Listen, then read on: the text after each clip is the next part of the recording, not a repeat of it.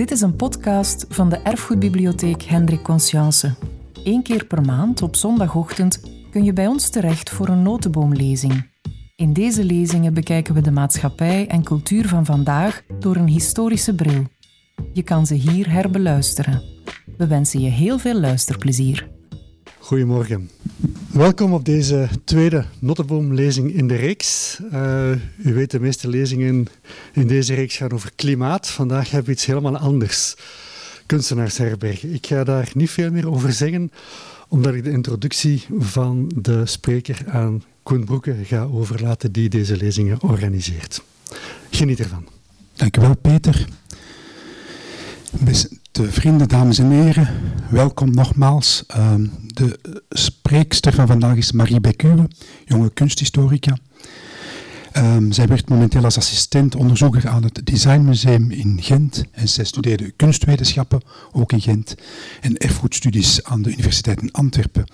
Zij schreef een masterproef die ook is gepubliceerd in 2019 met als titel In de kunst gelogeerd, kunstenaarsherbergen op het Belgische platteland van 1840 tot 1914.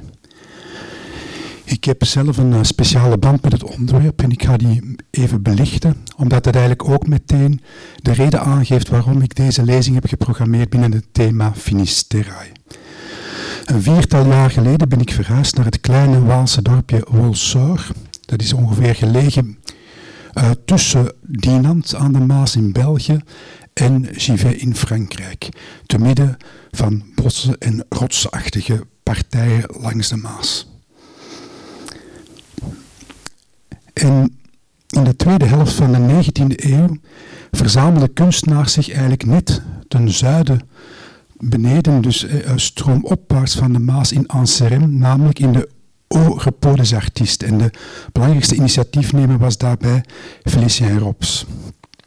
Um, belangrijk bij die, die schilders, uh, zij kozen vaak dezelfde landschappen uit. En een van de zaken die toen heel erg in was, was het pittoreske. En naar de theorieën um, verwoord door de Engelsman William Gilpin. Trouwens, deze week is er in het, Trema, het Musée des Arts uh, Anciens in uh, Namen, een prachtige tentoonstelling opengaan over die pittoreske landschappen in de, in de Maasvallei en die albums die toen in de 19e eeuw zijn uit, uitgegeven.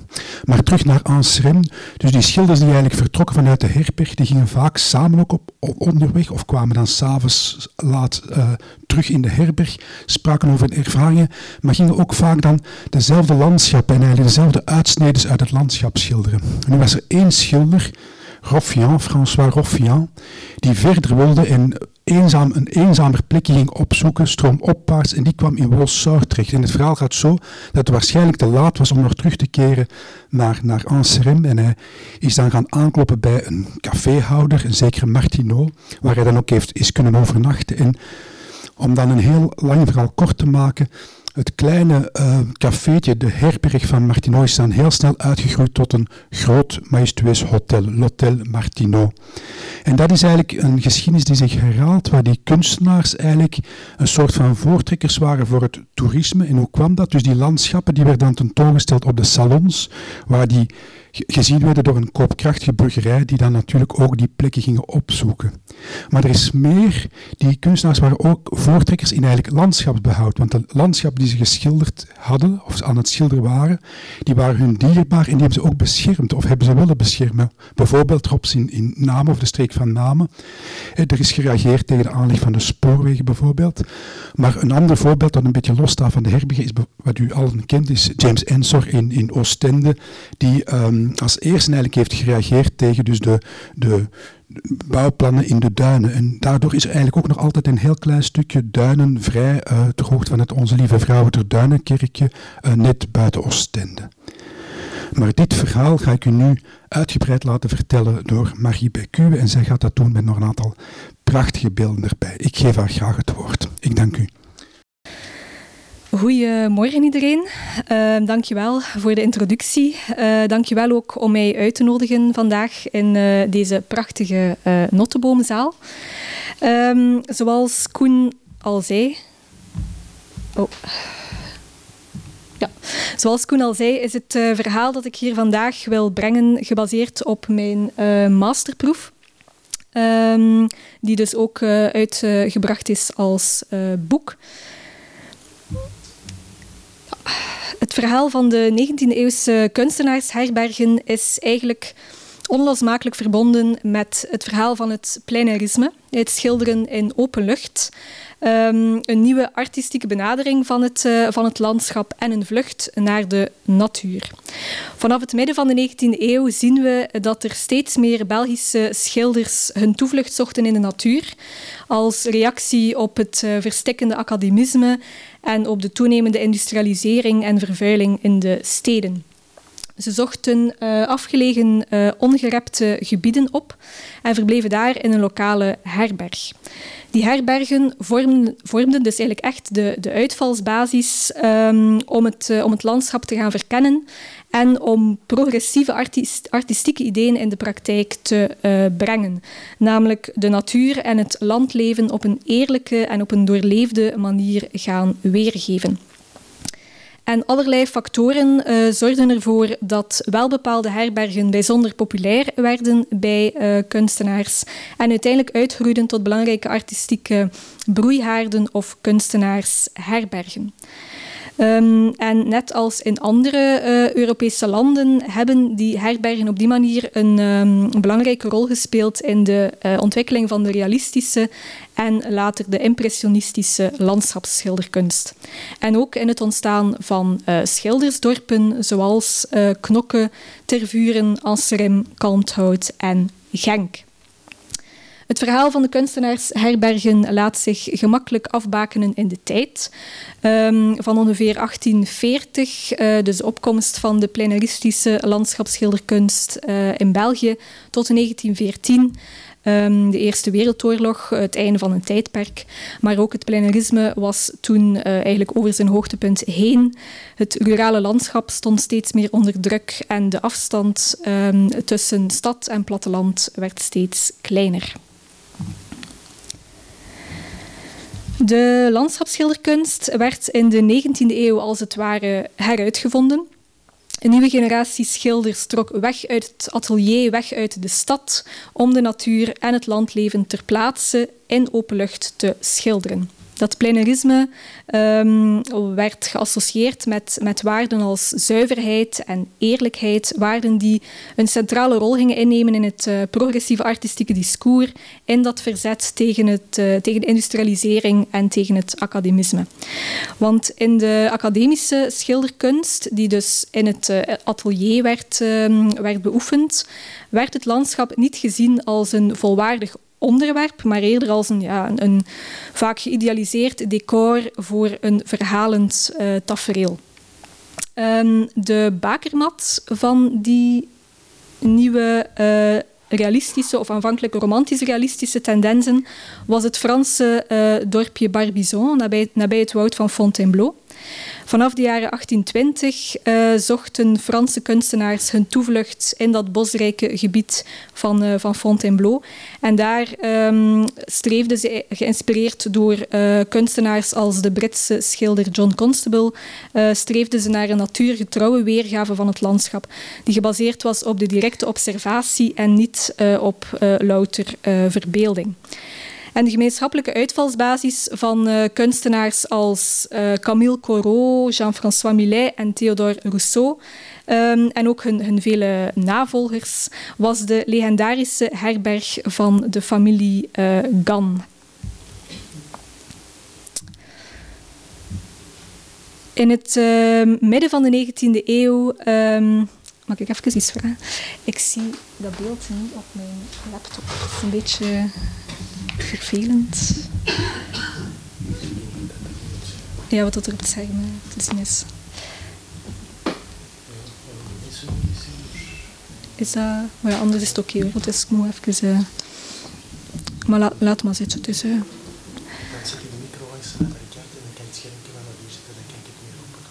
Nee, maar het is oké. Het is gewoon de, de dia's verspringen. De, de, zie, dus ik zie niet... Uh... Maar het is, het is oké, okay, Het is um, ja. Oké, dus in het midden van de 19e eeuw uh, kreeg het pleinarisme de wind in de zeilen. met nieuwe uitvindingen, zoals de verftube in, um, in 1841. Um, gevolgd door allerlei andere nieuwigheden, zoals een draagbare schildersezel, een opvouwbaar krukje, alles om het schilderen in open lucht aangenamer te maken. Die nieuwe tendensen die waaiden dan stilaan over van Frankrijk naar België. Dat gebeurde via kunsttentoonstellingen, kunsthandel en uh, Belgische kunstenaars die Barbizon zelf uh, bezochten. Al rond 1860 verbleven er verschillende kunstenaars in de auberge uh, Gan, onder wie Camille van Camp, Louis Artin en de Gentse broers César en Xavier de Kock.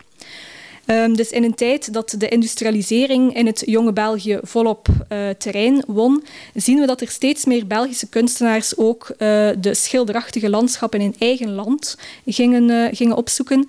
En op die manier ontstonden er in België als het ware filialen van Barbizon. Zo werd um, Anserim aan de samenvloeiing van de Maas en de Lesse het Barbizon fluvial genoemd en ter vuren het Barbizon des peintres belges. Een uh, mijlpaal in de ontwikkeling van de landschapsschilderkunst in België was de oprichting van de Société Libre des Beaux-Arts in 1868. Die kunstkring um, propageerde een eigentijdse, realistische kunst. Um, en bij uitstek het landschap vormde daarbij het, uh, het speelterrein en ook het strijdtoneel uh, tegen het vergeven idealisme en de academische machtsmechanismen. In het manifest van de kunstkring stond te lezen L'art de ce temps-ci doit avoir pour mission de revenir à l'homme et à la nature, à la grande nature.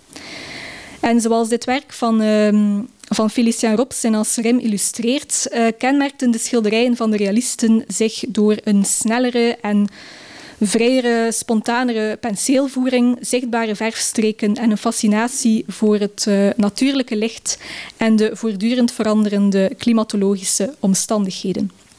Vanaf de jaren 1880 werd die evolutie dan uh, verder gezet met de impressionistische schilderkunst. In, uh, in heldere licht- en kleurschakeringen en met een vlotte toets probeerden uh, schilders om vluchtige momenten in de natuur te gaan vastleggen. Um, landschapsschilders hadden dus een voorkeur voor die ongerepte plattelandsgebieden, plekken aan de rand van de moderne wereld, die nog niet of nauwelijks waren aangetast door industrie, grootschalige landbouwontwikkelingen of ingrijpende infrastructuurwerken. Ze hielden van de rust, van het uh, pittoreske en het authentieke karakter van een stukje platteland dat als het ware nog door de kunstenaars zelf ontdekt kon worden. Um, aantrekkelijk waren bijvoorbeeld de duinen en de polders uh, van Knokke, de bossen in Tervuren, de Maasvallei in Anserem en de heidevlaktes van Mol, Kalmthout, Wechelderzande en Genk. In het midden van de 19e eeuw was het wel nog een hele onderneming om die plekken te bereiken. Neem nu Knokke. Um, het laatste dorp aan de oostkust voor de, voor de Nederlandse grens. Volgens de Gentse kunstenaar Armand Heins en zijn broer Maurice was Knokke tot in de jaren 1880 l'endroit le plus inconnu qui fut au monde.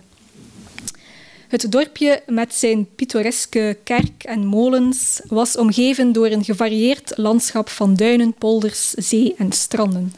Felicien Rops, uh, die al ter sprake kwam, um, dus de bekende graficus uit Namen, was in zijn vrije tijd ook een verdienstelijke landschapsschilder. En rond 1860 um, vatte hij het plan op om naar Knokke uh, te reizen om daar te schilderen. En dat was een hele expeditie. Vanuit Brussel nam hij de trein naar uh, Brugge. Daar stapte hij over op de diligence naar Blankenberge. En de koets denderde over de oude kasseiwegen uh, voor ongeveer uh, drie uur lang. In Blankenberge aangekomen was Rops dan aangewezen op de goede wil van een voerman die hem met paard en kar um, over de dijkweg naar Heist kon, kon brengen. En vanuit Heist was Knokke dan tot slot uh, te voet bereikbaar via een zandweg of over het strand. Dit schilderij uh, van Willy Schlobach uit 1883 geeft ons een beeld van de zeeweg in Knokke.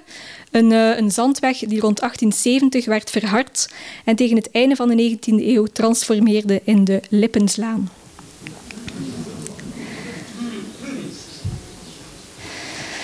Een andere uitverkoren plek voor landschapsschilders lag aan de andere kant uh, van het land, dans ce coin perdu de la campagne Pouleuse. Zo schreef de uh, schrijver en kunstcriticus Camille Lemonnier over het, uh, het dorpje Genk in de Limburgse Kempen. Het uh, desolate landschap van heide, stuifduinen, uh, vijvers en moerassen had een grote aantrekkingskracht op, uh, op landschapsschilders. Um, voor de jaren 1840 was Genk nauwelijks bereikbaar. De diligence reed tot in het gehucht Winterslag en van daaruit kon je enkel te voet verder tot in Genk. Maar daar kwam dan verandering in in de jaren 1840 toen de steenweg werd aangelegd tussen Hasselt en Mazeik. Vanaf dan uh, stopte er meermaals per week een diligence in Genk. En daar maakten de, eerste, of de kunstenaars van de eerste generatie um, dankbaar gebruik van, onder wie um, François Roffiaan en uh, Edgar Edmond uh. Het aantal kunstenaars schoot pas echt de hoogte in in Genk vanaf de jaren 1870 met de komst van de trein die we hier zien afgebeeld door Jozef Kozemans. Dus naarmate dat dat spoorwegennet zich uitbreidde, vonden steeds meer kunstenaars de weg naar het uh, platteland. Ze hadden nog steeds een voorliefde voor afgelegen plekken, maar die moesten toch ook liefst uh, enigszins bereikbaar zijn. Een mooi voorbeeld is, uh, is ook Kalmthout. Al rond 1850 wandelden schilders zoals Jacques Rosseels en François Lamorinière vanuit Antwerpen naar dat afgelegen dorpje in de Heide. Um, enkele jaren later, in 1854, werd Kalmthout uit zijn isolement gehaald door de aanleg van de spoorlijn uh, Antwerpen-Rotterdam. Dus de Kalmthoutse heide lag plots in de achtertuin van Antwerpen. En die vlotte bereikbaarheid uh, lokte talrijke artiesten en geleidelijk aan ook steeds meer toeristen. Maar daarover straks uh, meer. En ook uh, elders veroorzaakte de komst van de trein eigenlijk een grote toestroom van kunstenaars, bijvoorbeeld in Mol.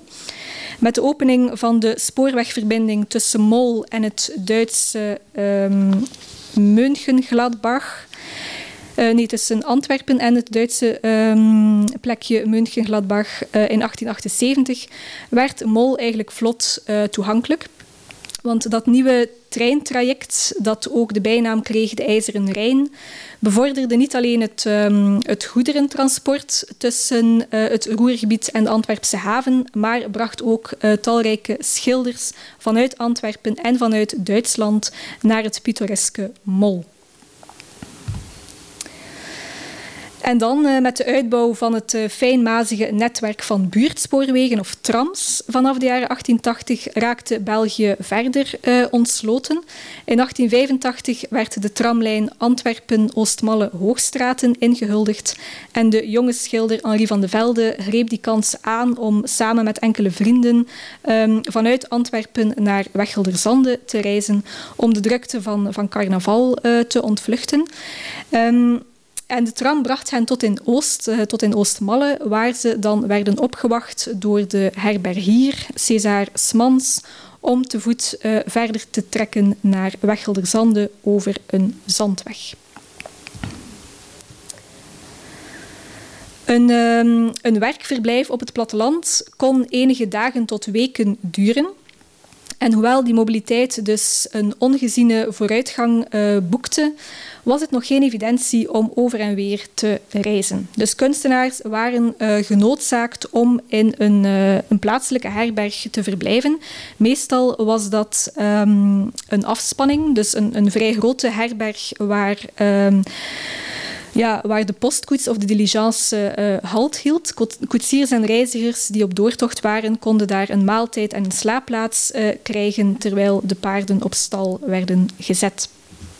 Um, sommige plattelandsherbergen werden zeer populair bij kunstenaars en uh, ontpopten zich tot echte kunstenaarsherbergen. En eigenlijk um, bleken het allerlei praktische, heel praktische en heel pragmatische redenen uh, te zijn die doorslaggevend waren bij de keuze voor een bepaalde herberg. De locatie en de bereikbaarheid, maar ook de prijs, de gastvrijheid van de uitbaters, de mogelijkheid om met schilderijen te betalen, de lichtinval in de kamers, de grootte van de kamers het lekkere eten um, en na verloop van tijd de aanwezigheid van collega-kunstenaars. Dus de mond-tot-mond reclame in de artistieke kringen was daarbij van het grootste uh, belang. Maar het is dus niet zo dat een kunstenaarsherberg werd opgericht als kunstenaarsherberg. Meestal, um, er zijn eigenlijk wel enkele buitenlandse voorbeelden van, zoals het Hotel Spaander in, uh, in Volendam. De koopman uh, Leendert Spaander uh, stichtte in 1881 op vrij artificiële wijze een uh, kunstenaarshotel. Ter promotie van zijn zaak stuurde hij postkaarten naar binnenlandse en buitenlandse kunstacademies. Hij richtte atelierruimtes in, verhuurde modellen, um, bouwde traditionele interieurs na. Dus de volledige accommodatie en dienstverlening was eigenlijk gericht op het uitbouwen van een artistiek cliënteel.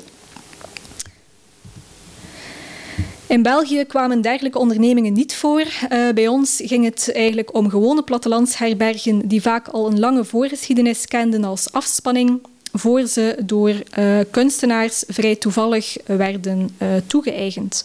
Deze kaart um, geeft een overzicht van de kunstenaarsherbergen die in mijn studie aan bod komen. Um, ik heb mij gefocust op plattelandsherbergen waar kunstenaars daadwerkelijk hebben, samen hebben overnacht. Uh, zoals in de oude betekenis van het woord uh, herberg. Dus de vele cafés, estamines, tavernes enzovoort, waar kunstenaars louter samenkwamen, bleven grotendeels buiten beschouwing. Een mooi voorbeeld van een kunstenaarsherberg is La Cloche in het centrum van Genk, uh, die vanaf de jaren 1840 dienst deed als afspanning langs de pas aangelegde uh, steenweg. Een gelijkaardige functie vervulde waarschijnlijk ook uh, Orenaar in Tervuren. Die herberg lag uh, vlak naast het postkantoor, waar tweemaal per dag een postkoets uit Brussel uh, halt hield. Um, op dit uh, zoekgeraakte schilderij van Hippolyte uh, Boulanger uit 1867 zien we de binnenkoer van die afspanning met een waterput om de paarden te laven en een draagstel voor de garelen. In Alserim uh, dat dorpje nabij Dinant uh, lag de herberg Oropo des Artistes, die Koen ook al uh, vermeldde. Um, de afspanning van de familie Boussengo deed vanaf het einde van de 18e eeuw dienst als stopplaats voor de diligence op het traject Namen Bouillon. En in de jaren 1860-1870 vormde de herberg de thuishaven van de kunstenaarskolonie van Anserem. Um, op deze mooie foto zien we de uh, herberg um, Europol des Artistes met voor de deur een schilder achter zijn schildersezel. Uh, en aan de gevel hangt het uithangbord dat werd geschilderd door drie vaste gasten. Felicien Rops, Theodor Baron en Maurice Hagemans. De uitbaters van de afspanningen of grote herbergen waar kunstenaars uh, onderdak vonden, hadden vaak sociaal meer aanzien dan een gewone uh, kroeghouder. Vaak werd dat herberghouden ook gecombineerd met een ander beroep. Um, een ander beroep dat binnen de rurale dorpsgemeenschap um, goed aangeschreven stond. Zo was Jozef Bricard, de uitbater van het Maison Bricard in Anserem, een graanhandelaar. In Genk werden de eerste kunstenaars ontvangen in La Cloche door de onderwijzer uh, Gerard Remans, die ook burgemeester was geweest. Um, in veel gevallen werd dat herberghouden ook gecombineerd met het beroep van landbouwer. Dat geldt onder meer voor de familie Tavernier van de herberg Le Signe in Knokke en uh, voor de familie Smans van de keizer in Wechelderzande. Op deze uh, foto zien we César Smans en Filomena Verlooy, de uitbaters van de keizer um, in Wechelderzande, die in de jaren 1880 onderdak boden aan Henri van de Velde. Um, op dit schilderij van Van de Velde zien we het zoontje van de uitbaters in de gelachzaal. De kunstenaarsherbergen waren doorgaans echte familiebedrijven waar verschillende generaties uh, actief waren. En aangezien de man vaak nog andere professionele bezigheden had, was de praktische leiding vaak in handen van de vrouw des huizes. Zo werd de herberg Europo des Artistes in Anserem uitgebaat door de smid Auguste Boussingault, zijn moeder en zijn twee oudere zussen Adèle en Genie. En terwijl de vrouwen de was en de plas deden, beperkte de taak van Auguste zich veelal tot het entertainen van de gasten. De Goedlachse man was heel uh, graag gezien bij de kunstenaars en werd door een van hen op een herbergdeur geportretteerd. Een goede verstandhouding met de uitbaters was zeer belangrijk, want kunstenaars dat waren geen evidente gasten. Um, met hun artistieke bezigheden namen ze veel meer ruimte in dan gewone uh, logés. Het waren ook vaak slechte betalers. Gelukkig toonden de uitbaters van de kunstenaars herbergen zich vaak heel, um, gastvrij en genereus. Uh, ze stelden bijvoorbeeld een atelierruimte ter beschikking, stonden toe dat de kunstenaars de interieurs naar hun hand uh, zetten en sommigen lieten zich ook met schilderijen betalen als een kunstenaar in geldnood uh, verkeerde. Om zijn schulden te betalen schilderde Hippolyte Boulanger voor verschillende herbergen in Tervuren en omstreken een uithangbord. Onder andere voor de kunstenaarsherberg Orenaar uh, in Tervuren uh, op de markt. Um, in die herberg heeft hij een hele tijd uh, gewoond. In de jaren 1860 was de straatarme kunstenaar na lange omzwervingen um, in de herberg terechtgekomen door toedoen van zijn vriend Camille van Kamp. De uitbaters, uh, de, broer, de, broers Jean en Henri en hun zus Thérèse Danjeu, waren um, kinderloos gebleven en ontfermden zich eigenlijk over de jonge schilder. En ze lieten hem ook met schilderijen uh, betalen. En die uh, generositeit gaf Boulanger eigenlijk de kans om uit te groeien tot een van de belangrijkste Belgische landschapsschilders van de 19e eeuw. En ook Felician Rops betaalde graag in natura. In een brief aan Charles Baarvoets, de uitbater van het Hotel des Bains in Heist, beloofde Rops een openstaande rekening van 200 frank te betalen met een tekening die naar eigen zeggen zeker 300 frank waard was.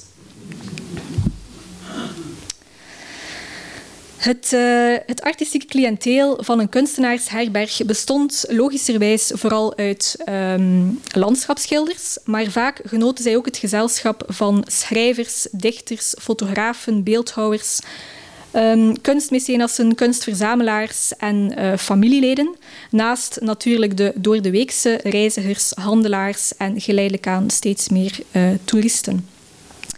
Het is niet altijd evident om te achterhalen wie de gasten van de kunstenaarsherbergen waren. Um, voor de Belgische herbergen zijn er voor zover geweten geen uh, gastenlijsten uh, bewaard. Wat bijvoorbeeld wel het geval is voor enkele buitenlandse voorbeelden, zoals de uh, Auberge Gan in Barbizon. Maar er zijn wel uh, andere uh, bronnen, uh, natuurlijk brieven en reisverslagen bijvoorbeeld. En een unieke bron voor de herbergen en hotels aan de kust vormen de zogenaamde vreemdelingenlijsten in de zomerkrantjes. In het zomerkrantje La Plage kunnen we bijvoorbeeld lezen dat de schilders Félicien Rops en Alfred Verwee, de schrijver Léon Dommartin en de kunstverzamelaar Georges Ritter in september 1882 samen verbleven in het Hotel des Bains in Heist bij Charles Barevoets. Elke kunstenaarsherberg had zijn eigen uh, promotors, die de mm, herberg als het ware ontdekten en hun vrienden en uh, familieleden en collega's ermee naartoe namen.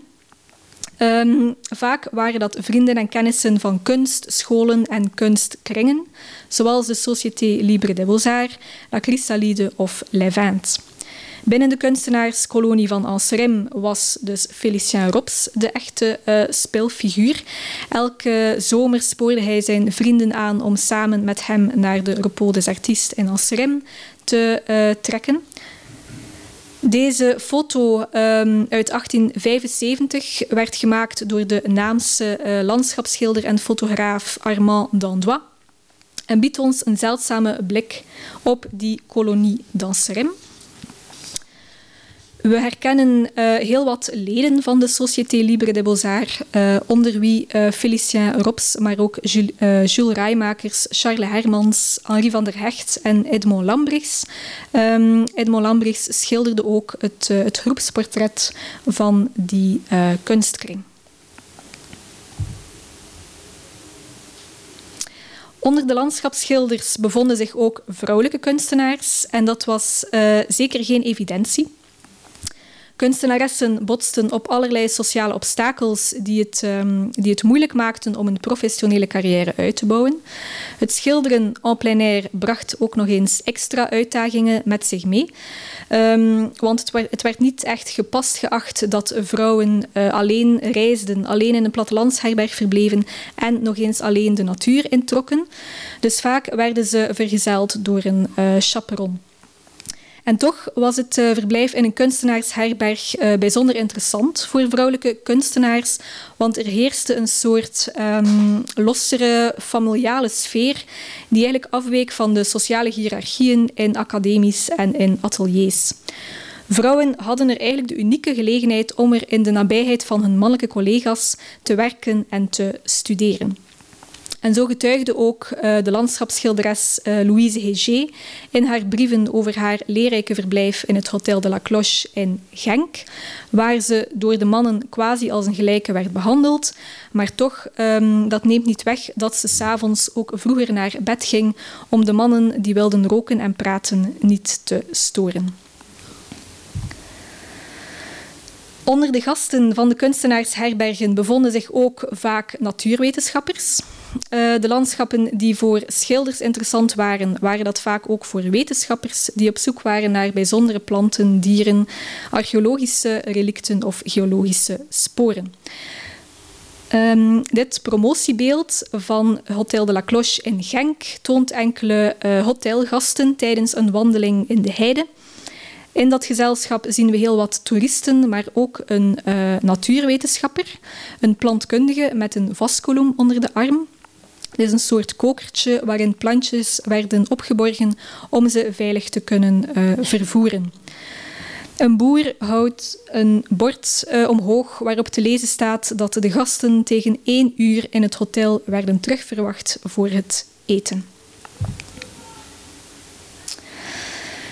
Het leven in de herbergen verliep volgens een min of meer vast uh, dagschema. In de voor- en in de namiddag werd er uh, geschilderd en smiddags en, smiddags en s avonds werden de kunstenaars op vaste tijdstippen terugverwacht in de herberg voor de maaltijd. Deze uh, van Felicien Rops biedt ons een inkijk in de keuken van de herberg in Anserem. De kunstenaars uh, zochten zich een plek in de natuur om hun schildersezel neer te planten. Sommigen bleven in de nabijheid van het dorp, anderen maakten verre wandelingen of verplaatsten zich met paard en kar. En om hun schildersgrief te dragen, konden de schilders vaak rekenen op de uh, hulp van nieuwsgierige kinderen uit het dorp. Sommige specifieke plaatsen waren bijzonder populair bij schilders en werden ontelbare keren opnieuw op doek of paneel uh, gezet. De Franse karikaturist Honoré Daumier uh, dreef daarmee graag uh, de spot, zoals in deze prent met de titel Le premier copie la nature, le second copie la, le premier. Op deze um, prachtige foto zien we ook nog uh, Emile van Doren en twee andere jonge schilders die aan het werk zijn in Genk. Populaire schildersplekken in Genk waren onder andere de molenvijver, de vennen van Stalen en de heuvels aan de slagmolen. Vanuit de herberg uh, Orenaar in Tervuren trokken veel kunstenaars de Warande en het Zoonjenwoud in om de dreven, holle wegen en open plekken in het bos te gaan uh, schilderen. Hier zien we bijvoorbeeld de oude Haagbeukdreef van Hippolyte Boulanger en een open plek in het bos uh, geschilderd door Alphonse Asselbergs. Voor de gasten van de kunstenaarsherbergen in Knokke vormden de molenbiotopen bijvoorbeeld een geliefd uh, onderwerp. Um, hier zien we de Kalfsmolen, de Lievensmolen en de Van Dammemolen. En in Kalmthout namen verschillende kunstenaars de kunstenaarsherberg De Cambus van Moeder Kee ehm, te midden de Kalmthoutse heide zelf tot onderwerp. Na een eerste werksessie in de voormiddag keerden de meeste kunstenaars tegen een uur of twaalf terug naar de herberg voor het middageten. En om de gasten te waarschuwen dat het eten klaar was, luidden sommige herbergiers een bel of werd met een stok op een blikken emmer geslagen. In de keukens van de plattelandsherbergen werden regionale gerechten uh, bereid die door de kunstenaars meer of minder werden gesmaakt. In Genk uh, werd vaak een uh, haché opgediend. In de brieven van Robs lezen we over een verrukkelijke soep van kervel, aardappelen en peterselie in Ansrem. En Henri van de Velde schreef in zijn memoires minder enthousiast over het taaie vlees dat dagen na elkaar werd opgewarmd in de keizer in Weggelderzande. Um, en dan s'avonds uh, schaarden de kunstenaars zich rond de herbergtafels om over kunst te discussiëren, elkaars werk van de voorbije dag te gaan uh, bespreken en te evalueren. Um, uiteindelijk en ondertussen werden uh, pijpen en sigaren gerookt en vloeide de drank ook rijkelijk. Zo verraden de bewaarde rekeningsschriften van de Repos des Artistes een overmatig gebruik van bier, cognac, rum, landwijn, bordeauxwijnen, Saint-Emilion-wijnen en Genevers. Vaak werden de avonden ook opgeluisterd met uh, muziek. In de herberg Le Signe um, en de Prins Boudouin in Knokke zorgde um, de Spaanse schilder Dario de Regoyos voor de muzikale uh, noot. Um, en ook in het Hotel de la Cloche werden soms geïmproviseerde concerten gehouden. Louise Heger bijvoorbeeld zong er liederen van uh, Robert Schumann en uh, Frans Schubert, begeleid door de piano. En bij gelegenheid werden er ook uh, feesten georganiseerd of vormde de herberg het decor voor verkleedpartijen en toneelopvoeringen. En op rustige avonden trokken de kunstenaars zich terug om brieven te schrijven of om te lezen. Dit, um, dit schilderij uh, toont bijvoorbeeld Maurice Hagemans, geschilderd door de Griekse schilder Pericles Pantasis, op een winteravond in uh. Bij slecht weer kwam er uh, van schilderen en plein air weinig in huis. Regenachtige dagen vormden voor de schilders het ideale moment om elkaar te portretteren of om het interieur van de herberg onder handen te nemen met de verfresten op het, op het schilderspalet. Ook trokken sommige kunstenaars op pad om de interieurs van boerderijen, stallen of herbergen te schilderen. Op deze uh, foto zien we een schilder aan het werk in een boerenwoning in Genk. Maar toch um, was de werklust bij de meeste kunstenaars niet bijster groot en sloeg de verveling al snel toe, zoals we kunnen zien op deze tekening van Victor Fontaine. De kunstenaars bleven dan in de herberg, uh, genoten van elkaars gezelschap, nodigden ook soms vrienden en familieleden uit. Maar wanneer het slechte weer te lang aanhield, uh, keerden de meeste kunstenaars wel uh, terug naar huis. Want in een herberg verblijven zonder er te kunnen werken, dat was um, verlieslatend. Tijdens het verblijf op het platteland moest er dus hard gewerkt uh, worden, maar daarnaast maakten de kunstenaars ook veel um, plezier uh, samen. In Knokke bijvoorbeeld leefden Theo van Rijsselberg en zijn vrienden zich uit met strooptochten in de duinen en hielden ze bokswedstrijden en loopwedstrijden op het strand. In Anserem waren de gasten van de Repos des Artistes vaak te vinden in, op en rond het water van de Maas en de Lesse. Uh, Victor Fontaine uh, ging graag vissen, Maurice Hagemans hield van zwemmen. En jaarlijks organiseerden de kunstenaars ook hun eigen Olympische waterspelen, geleid door Felician Rops, die in 1862 een roeiclub had opgericht in Namen. Veel van die activiteiten vonden plaats um, op en rond het eiland in het midden van de Maas.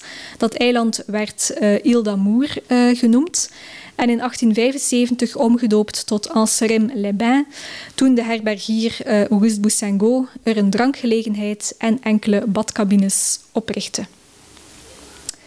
Dus het gezamenlijke verblijf in een kunstenaarsherberg met die uh, gedeelde werktijden, maaltijden en ook ontspanningsmomenten was heel belangrijk voor de sociale cohesie onder de kunstenaars. Was ook zeer uh, leerrijk, want um, in dat milieu van gelijkgezinden werden artistieke inzichten uitgewisseld, technieken uitgewisseld, die het verzet tegen de academische landschapstraditie verder aanscherpten.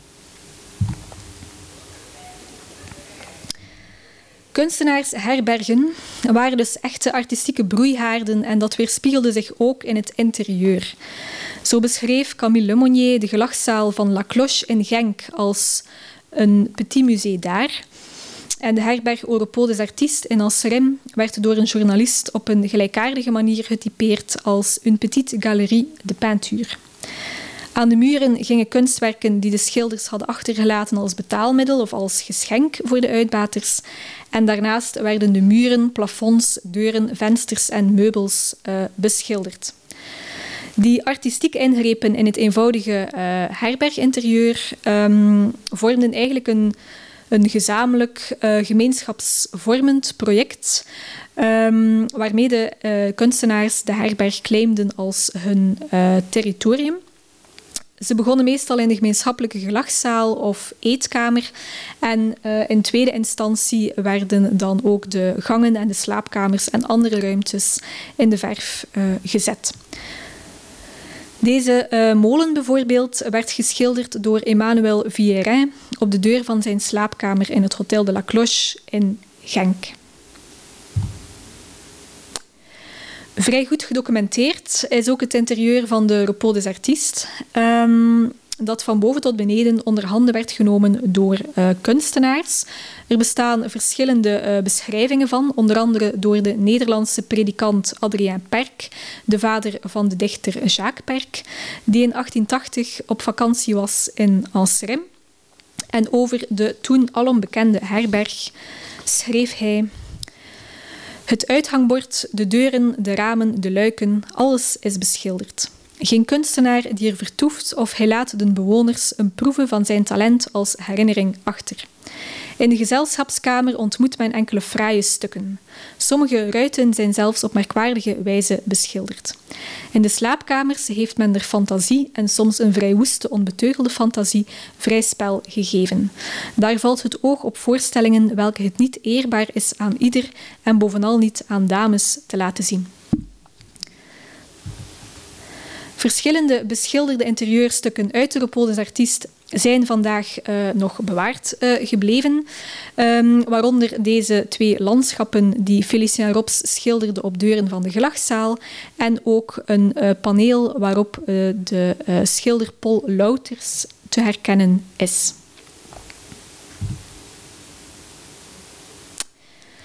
Met de werken die de kunstenaars achterlieten in de herberg of uh, op kasten en deuren waren geschilderd, bouwden sommige uitbaters een kunstcollectie op.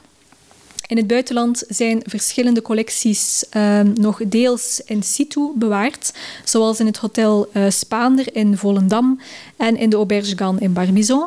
Of uh, in andere gevallen vormen ze de basis van een museumcollectie, zoals in het Deense Skagen.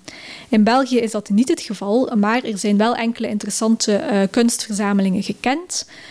En, um, een deel van de collectie van het Hotel de la Cloche in Genk uh, bevindt zich vandaag nog in het familiebezit. Het gaat om schilderijen van onder andere uh, François Roffiaan, Anna Boch, Jozef Kozemans en Emmanuel Viere. Een deel van de um, kunstcollectie van de Repos des Artistes in Anserem werd in 1922, uh, vier jaar na het overlijden van Auguste Boussingault, openbaar verkocht. Het ging om schilderijen van onder andere Felicien Rops, Charles Hermans, Pericles Pantasis, Victor Fontaine en vele anderen. En uh, contemporaine bronnen beweren dat Auguste Adèle en Genie Boussengo bij leven geen kunstwerken uh, verkochten. Maar er zijn wel aanwijzingen dat er toch al enkele beschilderde interieurstukken van de hand werden gedaan voor de openbare verkoop in 1922. Zoals de uh, Weense kunstverzamelaar Ottokar Mascha al in 1910 in het bezit van drie beschilderde deurpanelen van Felician Rops, waaronder dit vrouwenportret uit een van de slaapkamers. En um, dus in België uh, gebeurde die verkoop van schilderijen uh, vermoedelijk vrij sporadisch, um, terwijl er in andere buitenlandse herbergen wel aan een meer georganiseerde kunsthandel uh, werd gedaan. Het meest opvallende voorbeeld is Hotel Hamdorf in het Nederlandse Laren, de uitbater Jan Hamdorf um, ontpopte zich tot een mecenas en kunsthandelaar en verkocht schilderijen van zijn artistieke gasten op binnenlandse en buitenlandse veilingen. En vanaf 1913 um, ehm, organiseerde hij ook exposities in Laren zelf. Niet alleen de schilderijen en de beschilderingen maakten het interieur van een kunstenaarsherberg uh, uniek. Ook de aanwezigheid van een atelierruimte is wel uh, bijzonder uh, te noemen. Um, dus de kunstenaars schilderden vooral en plein air, maar ze hadden ook nood aan een ruimte om doeken af te werken, te laten drogen of tijdelijk op te bergen. Het atelier was ook de plek waar de kunstenaars elkaars werk van de voorbije dagen gingen beoordelen. Um, vaak deed de gewone slaapkamer uh, dienst als atelier, maar in sommige gevallen uh, stelden de herbergiers ook een aparte atelierruimte ter beschikking. In de herberg Europol des Artistes kregen de gasten de uh, kamer boven de keuken toegewezen, die ze omdoopten tot hun Petit Louvre. En in de herberg De Keizer in Wechelderzande um, breiden de uitbaters César Smans en Filomena Verlooy hun herberg zelfs uit met een extra verdieping. Die, bood, die ja, plaats bood aan extra kamers, maar ook aan een schildersatelier. Volgens de memoires van Henri van de Velde deden ze dat op aanraden van de landschapsschilder Florent Crabeels. En het, uh, het grote atelierraam dat vandaag nog uh, zichtbaar is, was zoals gebruikelijk gericht naar het noorden om het meest stabiele uh, daglicht, het noordelijke licht, uh, binnen te halen. Dergelijke ingrepen kwamen ook voor in buitenlandse kunstenaars, herbergen. Madame Julia Guillot, de uitbaatster van het Hotel Julia in Pont-Aven, uh, liet bij de uitbreiding van haar hotel twee grote atelierramen aanbrengen in de noordelijke voorgevel van de annex. En daarmee kwam ze tegemoet aan de noden van haar vooral um, Amerikaanse en Britse artistieke gasten. En ook het uh, Hotel des Artistes in Genk, uh, dat werd uitgebaat door de landschapsschilder Emile van Doren en zijn echtgenote Sidonie Rijkem, was voorzien van een atelier met een groot raam aan de noordkant. Um, het is onduidelijk of Van Doren zijn uh, artistieke gasten gebruik liet maken van zijn persoonlijke werkruimte. Maar in elk geval uh, was dat atelier een belangrijke publiekstrekker voor de vele toeristen die Genk uh, in het begin van de 20e eeuw ontdekten in het kielzog van de kunstenaars.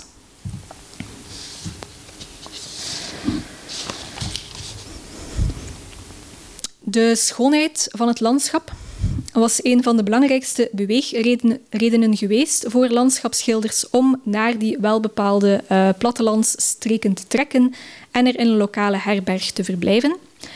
Tegelijk stonden de kunstenaars ook op de eerste rij om te zien hoe dat landschap in de loop van de 19e eeuw steeds meer onder druk kwam te staan door toerisme, industrie, infrastructuurwerken en agrarische modernisering. In het spoor van de landschapsschilders kwamen steeds meer toeristen en investeerders de rust in de kunstenaarsherben en de kunstenaarsdorpen um, verstoren.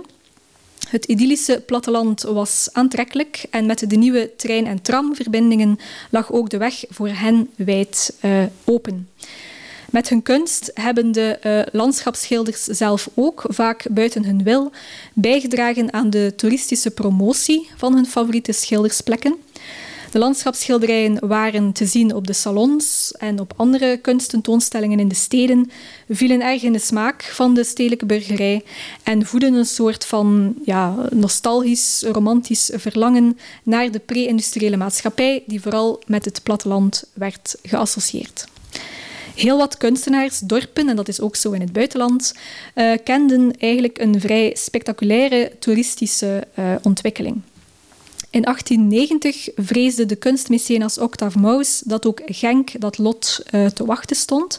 Hij schreef Genk deviendra peut-être une villégiature bourgeoise, comme Anserem, comme Knokke, comme Tervuren, qui ont tous trois, eux aussi, joyeusement palpité autrefois de la vie artistique. En dat was ook het geval. Het, uh, het, aantal hotels, restaurants en cafés nam gestaag toe in het centrum van uh, Genk. En op de flanken van de Dorpsbeekvallei en rond de Molenvijver lieten stedelingen uh, villa's bouwen als tweede verblijf. Maar ook kunstenaars hebben zich er gevestigd in het begin van de 20e eeuw. Bijvoorbeeld Emile van Doren in de Villa Le Coin Perdu, waar vandaag het Emile van Doren Museum gevestigd is. Het schilderachtige karakter van de kunstenaarsdorpen werd ook uitgespeeld als toeristische troef. Daarvan getuigen bijvoorbeeld de postkaarten waarop landschapsschilders uh, figureren. De kunstenaarsoorden spraken ook tot de verbeelding bij heel wat amateurschilders, die de bekendste uh, schildersplekjes massaal kwamen opzoeken. Um, het Hotel de la Cloche in Genk speelde daarop in door voor haar gasten uh, excursies te organiseren langs de meest schilderachtige hoekjes. En ook in de Maasvallei is de toeristische ontwikkeling van dorpen als Anserem, Woulsor en Hastière in verband te brengen met de voorafgaande aanwezigheid van kunstenaars. Anserem ontwikkelde zich binnen de invloedssfeer van Dinant, uh, dat in het laatste kwart van de 19e eeuw was uitgegroeid tot een belangrijk toeristisch centrum voor wandelaars. De hotels waren er duur en steeds meer toeristen zochten naar een goedkoper alternatief in de omgeving. En uh, het nabijgelegen dorpje Anserem speelde in op die, op die vraag. Er um, verrezen talrijke nieuwe uh, hotels die rond 1885 al goed waren voor zo'n honderdtal uh, bedden. Naar het voorbeeld van Anserem groeide ook Holsaur in het laatste kwart van de 19e eeuw uit tot een toeristische bestemming. En uh, zoals Koen daarnet al vertelde, zou de kiem voor die, voor die evolutie eigenlijk liggen in een toevallige ontmoeting tussen François Roffiaan, de landschapsschilder, en de veerman en cafébaas uh, Ferdinand Martineau. Dus um, door die ontmoeting met Roffiaan en naar het voorbeeld van de Repos des Artistes in Anserem um, werd het, uh, de ondernemingszin van de familie Martineau eigenlijk aangewakkerd om zelf ook een herberg te beginnen in, in uh, die door kunstenaars werd bezocht, maar ook door steeds meer uh, toeristen. En uh, kende eigenlijk een zeer snelle toeristische ontwikkeling. In, in ongeveer 20 jaar um, bouwde uh, Martineau zijn kleine bescheiden cafeetje uit tot het, uh, het Grand Hotel Martineau, dat vooral uh, welstellende Brusselaars aantrok. In Knokke bleef het toerisme lange tijd beperkt tot dagjestoeristen die te voet of per ezel vanuit Heist kwamen aanwaaien. Ze verzamelden zich in de kleine drankgelegenheden die rond 1880 werden opgericht uh, rond de vuurtoren. Vanaf 1885 kwam het toerisme in Knokke dan in een, uh, een, een, stroomversnelling. Steeds meer villa's en hotels werden opgetrokken, dijken werden aangelegd en duingronden werden verkaveld. De landschapsschilder Alfred Verwee richtte een uh, consortium op en maakte zich uh, eigenlijk schuldig aan de commerciële exploitatie van het desolate duinengebied, terwijl veel van zijn generatiegenoten net fulmineerden tegen die teleurgang van het landschap. Zo betoogde de dichter uh, Emile Verharen in 1883 in het zomerkrantje La Plage tegen de aanleg van een spoorverbinding naar Knokke, die nog meer volk dreigde aan te trekken. Die spoorlijn naar Knokke uh, liet nog op zich wachten tot in de jaren 1920. Maar de komst van de stoomtramlijn in 1890 um, gaf de, het toerisme in Knokke wel verder de wind in de zeilen. Met dat opkomende plattelandstoerisme veranderde natuurlijk ook de sfeer in de kunstenaarsherbergen. Net als, in andere, uh, net als andere logementshuizen speelden die kunstenaarsherbergen in op de toenemende stroom van toeristen en uh, tweede verblijvers. En kunstenaars voelden zich steeds minder uh, op hun plek. De schilder en kunsthistoricus Edgar Baas beschreef in het tijdschrift La Revue Belge um, hoe zijn vriend Jacques Rosseels in, al in de jaren 1870 afscheid had moeten nemen van zijn herberg, het Pannenhuis in uh, Kalmthout. Um, ik citeer in vertaling. De moderne beschaving en de positieve vooruitgang deden hun triomfantelijke intrede in de oude herberg in Kalmthout toen hij de eerbiedwaardige kamer met zijn hoge schoorstenen en twee oude alkoven, dat toevluchtsoord vol herinneringen, zag binnengevallen worden door een kolonie burgermannen op vakantie. Toen hij sommige van de vriendelijke gezichten die deel uitmaakten van het decor niet meer kon vinden, moest hij aan zichzelf toegeven dat het tijd was om te vertrekken. Enkele uh, decennia later um, had Louise Heger een vergelijkbare ervaring toen ze in 1907 na enige tijd opnieuw verbleef in, het, um, in, het, uh, in haar geliefde Hotel de la Cloche in Genk. Uh, uit haar brieven blijkt dat ze zich mateloos ergerde aan het contact met de bourgeois en de nieuwe stijl van het hotel. En tegen het einde van de 19e eeuw waren de gloriedagen van de meeste kunstenaarsherbergen dus eigenlijk al lang verleden tijd. Het uh, veranderende landschap en ook de opkomst van nieuwe kunststromingen zorgden er ook voor dat het, um, dat het tegen dan over zijn hoogtepunt uh, heen was. En uiteindelijk zouden enkel nog de beschilderingen en de schilderijen aan de muren herinneren aan het soms legendarische verblijf van de uh, landschapsschilders. Deze uh, postkaart toont ons de, eet, uh, de eetzaal van het Hotel du Cygne in Knokke, waar nog verschillende uh, schilderijen aan de muren hangen, waaronder het portret van de kunstminnende herbergier Leonard Tavernier. Over Knokke schreef de Franse ingenieur Edgar Auguin in zijn reisgids Plage Belge van 1898 Knokke a été le berceau d'une intelligente colonie d'artistes dont la gaieté, malheureusement évanouie, flamboie encore sur tous les murs d'Auberge.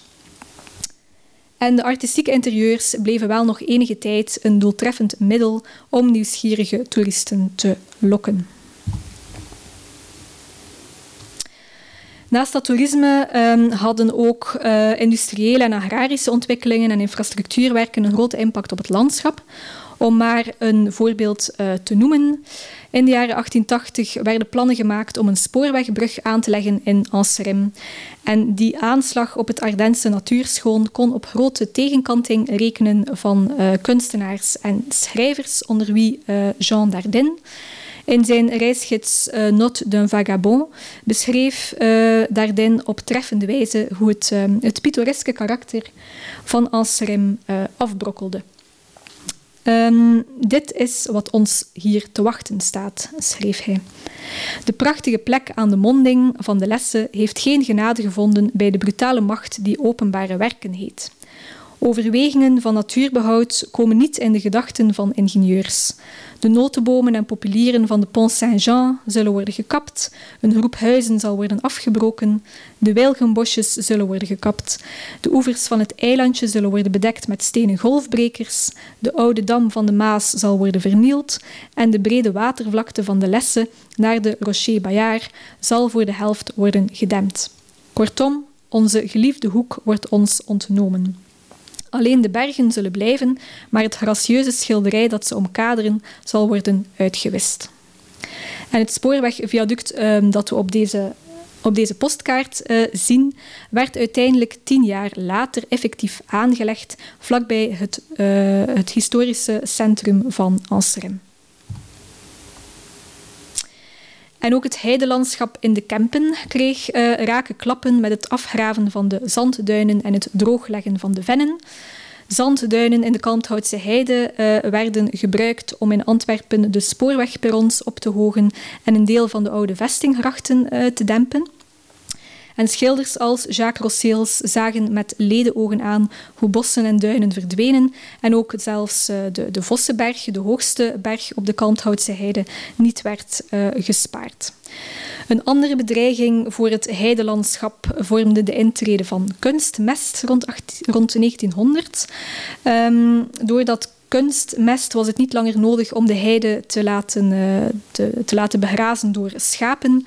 En er dreigden uh, grote ontginningen. Um, de beste delen werden um, landbouwgrond en andere delen werden bebost.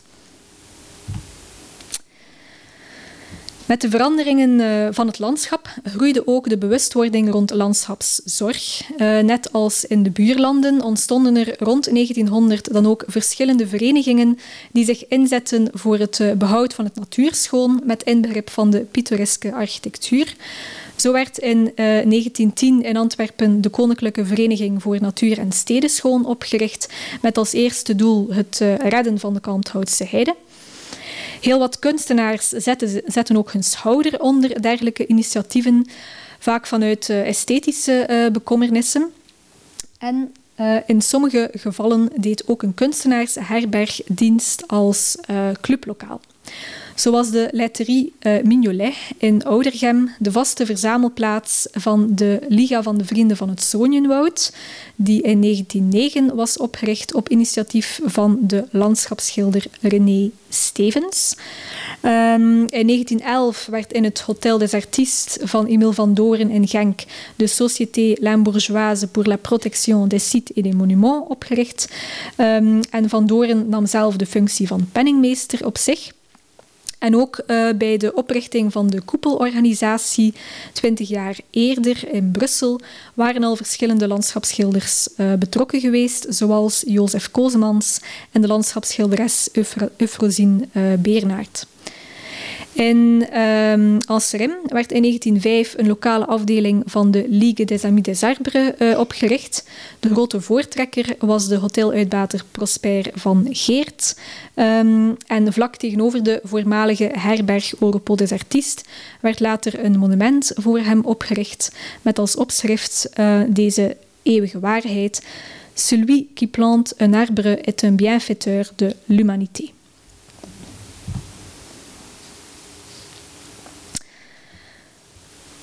En dan terug naar de kunstenaarsherbergen. 19e-eeuwse kunstenaarsdorpen hebben vandaag een groot cultuurtoeristisch potentieel. Um, plekken waar kunstenaars hebben gewoond en gewerkt spreken tot de verbeelding en hun kunst doet ons op een andere en misschien bewustere manier naar het landschap en de transformatie van het landschap kijken. In het buitenland, met name in, uh, in Frankrijk, worden verschillende 19e-eeuwse kunstenaars herbergen in ere gehouden als hotel of als uh, museum. Um, die gebouwen die voor de landschapsschilders dus echt de uitvalsbasis uh, vormden, zijn eigenlijk de uitgelezen plekken om het verhaal van de kunstenaarsdorpen en het verhaal van kunst en landschap te gaan vertellen. Jaarlijks um, bezoeken talloze toeristen Barbizon, waar de befaamde auberge Gan sinds de jaren 1930 al het Musée des Peintres de Barbizon uh, huisvest. In het Bretoense Pont-Aven werd in de annex van het Hotel Julia het uh, Musée de Pont-Aven ondergebracht. En even verderop in het gehucht Le Poldu bevindt zich de gereconstrueerde herberg Buvet de la Plage.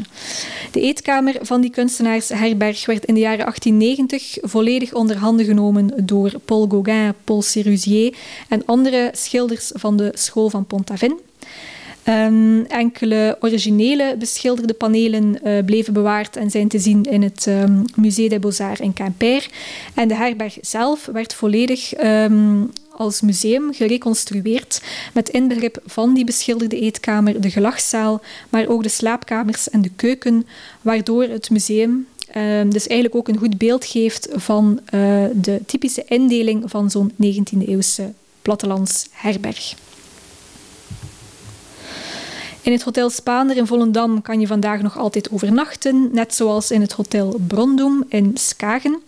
De rijkelijk versierde eetkamer van het Hotel Brondum werd met originele stukken heropgebouwd in het Skagens Museum, het lokale museum dat gewijd is aan de kunstenaarskolonie van het uh, Vissersdorp. En dan in de Belgische uh, kunstenaarsdorpen um, worden eveneens zeer mooie initiatieven ondernomen om het artistieke verhaal van die plekken te vertellen. Um, maar de voormalige kunstenaarsherbergen spelen daarin nauwelijks nog een fysieke uh, rol. In de meeste gevallen zijn de erfgoedwaarden onvoldoende herkend of erkend, waardoor de meeste gebouwen eigenlijk uh, ten prooi vielen aan drastische verbouwingen of uh, sloop. Van de mm, onderzochte casussen behielden enkel het Hotel Prins Boudoin in Knokke en de Keizer in Wechelderzande tot vandaag hun horecafunctie. De Keizer is ook het enige gebouw uh, dat beschermd is als uh, monument. Maar goed, de weinige gebouwen die er vandaag nog zijn, staan onder zeer grote druk, maar verdienen ook meer uh, aandacht. Het intrigerende verhaal van die plekken doet dromen van projecten als een reisgids die de verschillende sites met elkaar verbindt, wandel- en fietsroutes, een app met augmented reality, samenwerkingen met lokale horecazaken, een museaal project enzovoort. En met die gedachte wil ik deze lezing graag afsluiten. Dankjewel. Je luisterde naar een podcast van de Erfgoedbibliotheek Hendrik Conscience. Wil je nog een andere lezing beluisteren? Ga dan naar www.consciencebibliotheek.be-herbeluister.